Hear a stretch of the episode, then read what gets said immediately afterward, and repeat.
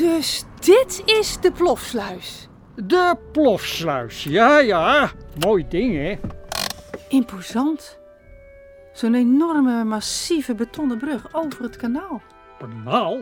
Niks banaal. Dit is uniek in de wereld hoor. Lopen we er even heen, opa? Wat? Of we er even heen zullen lopen. Oh, ja, mijn best hoor. Ik loop nog als een kieviet.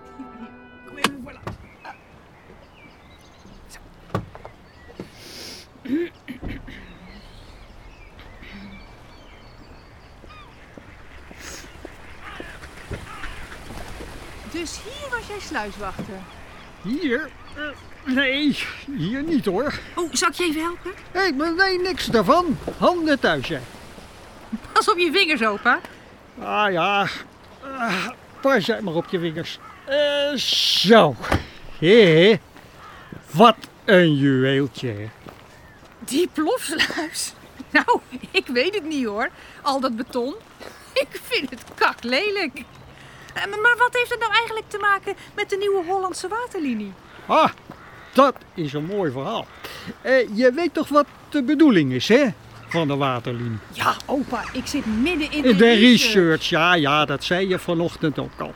Nou, dat water in die waterlinie, dat moest wel diep zijn, maar niet te diep. Minimaal 30, maximaal 50 centimeter. Nou loopt de Nieuwe Hollandse waterlinie van Muiden tot aan de Biesbos, hè? En Nederland is wel vlak, maar toch niet zo vlak als jij misschien wel denkt. Tussen Muiden en de Biesbos zit zeker 2 meter hoogteverschil. Dus als jij in het wilde weg gaat inunderen, dan krijg je of stukken met 2 meter water waar de vijand zo doorheen kan varen. Of je houdt stukken land die droog blijven. Wa- Wat zeg je? Eh, Droog, ja, ja, precies. Dus, hoe ga jij dat oplossen? Geen idee. Met komma. Je verdeelt het land in compartimenten. Met dijken eromheen en sluizen ertussen. Net als bij de rijstvelden in India, als je dat wat zegt. Ja. De ene kom ligt wat hoger, de andere ligt wat lager. Maar allemaal hebben ze precies het goede waterpeil. Ah, slim, opa. Ja, ja dat, dat heb ik niet bedacht. Hè. Dat hebben Cornelis Kraaienhof en Jan Blanke bedacht. In de 19e eeuw. De grote mannen achter de aanleg van de Nieuwe Hollandse waterlinie waren dat. M- maar, maar waar ik nou benieuwd naar ben, hoe krijg je dat water dan in die kommen? Nou, wat denk je zelf? Bij het Leidens ontzet groeven ze gaten in de rivier. Ja, ja dat kan. Hè? Dat is de onnozele manier van inunderen. Maar Kraaienhof en Blanke, die deden het dus op de slimme manier. Hè?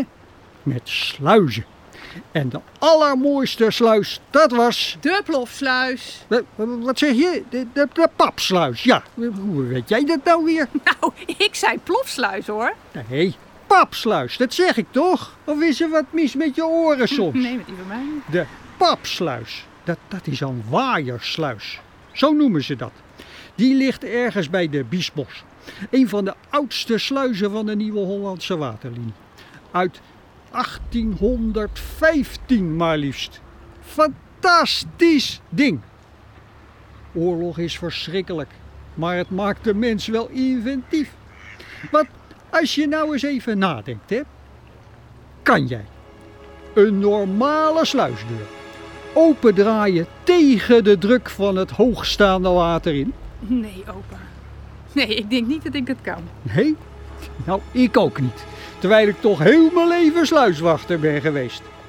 Maar als je nou wil gaan inunderen, ja, dan moet dat soms toch, hè? Een sluis opendraaien tegen de druk in. Dus wat heeft die Texelse Jan Blanke toen bedacht? De waaiersluis. Huh?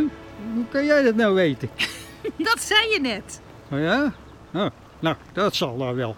Dan ben je toch iets minder doof dan ik dacht. In elk geval, de waaiersluis, oh, dat is echt zo'n uitvinding, hè? Die heeft namelijk twee sluisdeuren die aan elkaar vastzitten. Dat is een soort draaideur eigenlijk. De ene deur sluit het kanaal af, of de rivier. En de andere zit in een kom die ze naast het kanaal hebben gegraven. Dat noemen ze ook wel de waaierkas. Wil je nou de sluis openen tegen de stroom van het water in, dan laat je eerst via een buis die waaierkas vollopen om de druk op die zijdeur op te voeren. Nou, dan kost het bijna geen kracht meer om de sluis open te zetten. Snap je? Nou, Echt, die waaiersluis. Hè, dat is de beste uitvinding die er ooit is gedaan. maar hoe zit het dan met die plofsluis? Wat blief? De plofsluis! Oh, de plofsluis. Ah, dat is weer heel wat anders, hè? Dat is een keersluis. Want je had sluizen nodig om de waterlinie onder water te zetten, zoals de papsluis. Maar je had soms ook sluizen nodig om te zorgen dat het water niet meteen weer op het laagste punt weg zou stromen. Bijvoorbeeld hier, door het Amsterdam-Rijnkanaal. Dus daar is de plofsluis voor, om te zorgen dat dat niet gebeurt. Maar hoe werkt dat dan? Oh, dat is echt een waanzinnig systeem. Die enorme betonnen bak, hè? Die daar als een soort brug boven het kanaal hangt. Ja? Nou, die storten ze helemaal vol met tonnen en tonnen puin en grind en zand. Hoe, hoeveel ton kan er wel niet in, denk je? 500 ton? 500? Zeg, ben jij nou een Van Dijk? Of ben je een kruideniersdochtertje? 40.000 ton puin, mevrouwtje. Niet te zuinig. En weet je hoe ze dat puin dan uit die betonnen bak in het kanaal lieten vallen?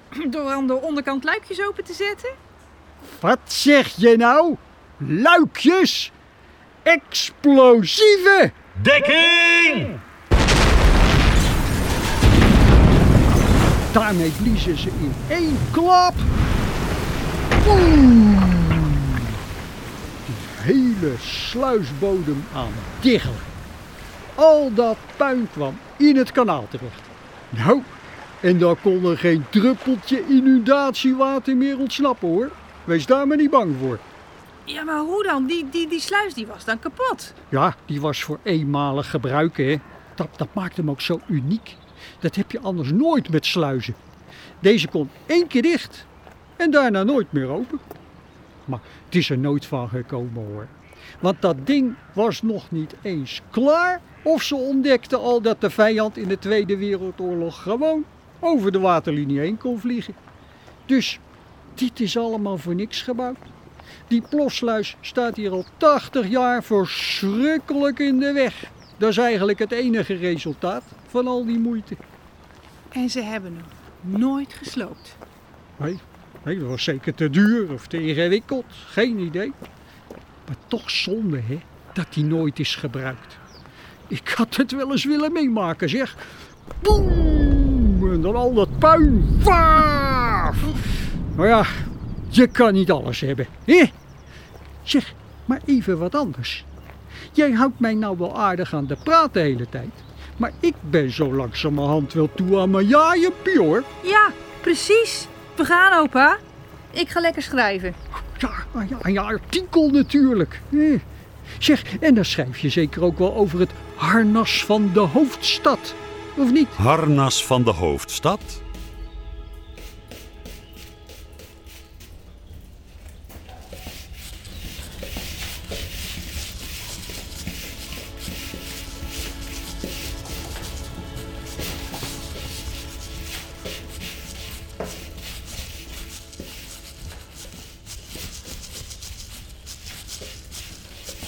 Wat is dat nu weer?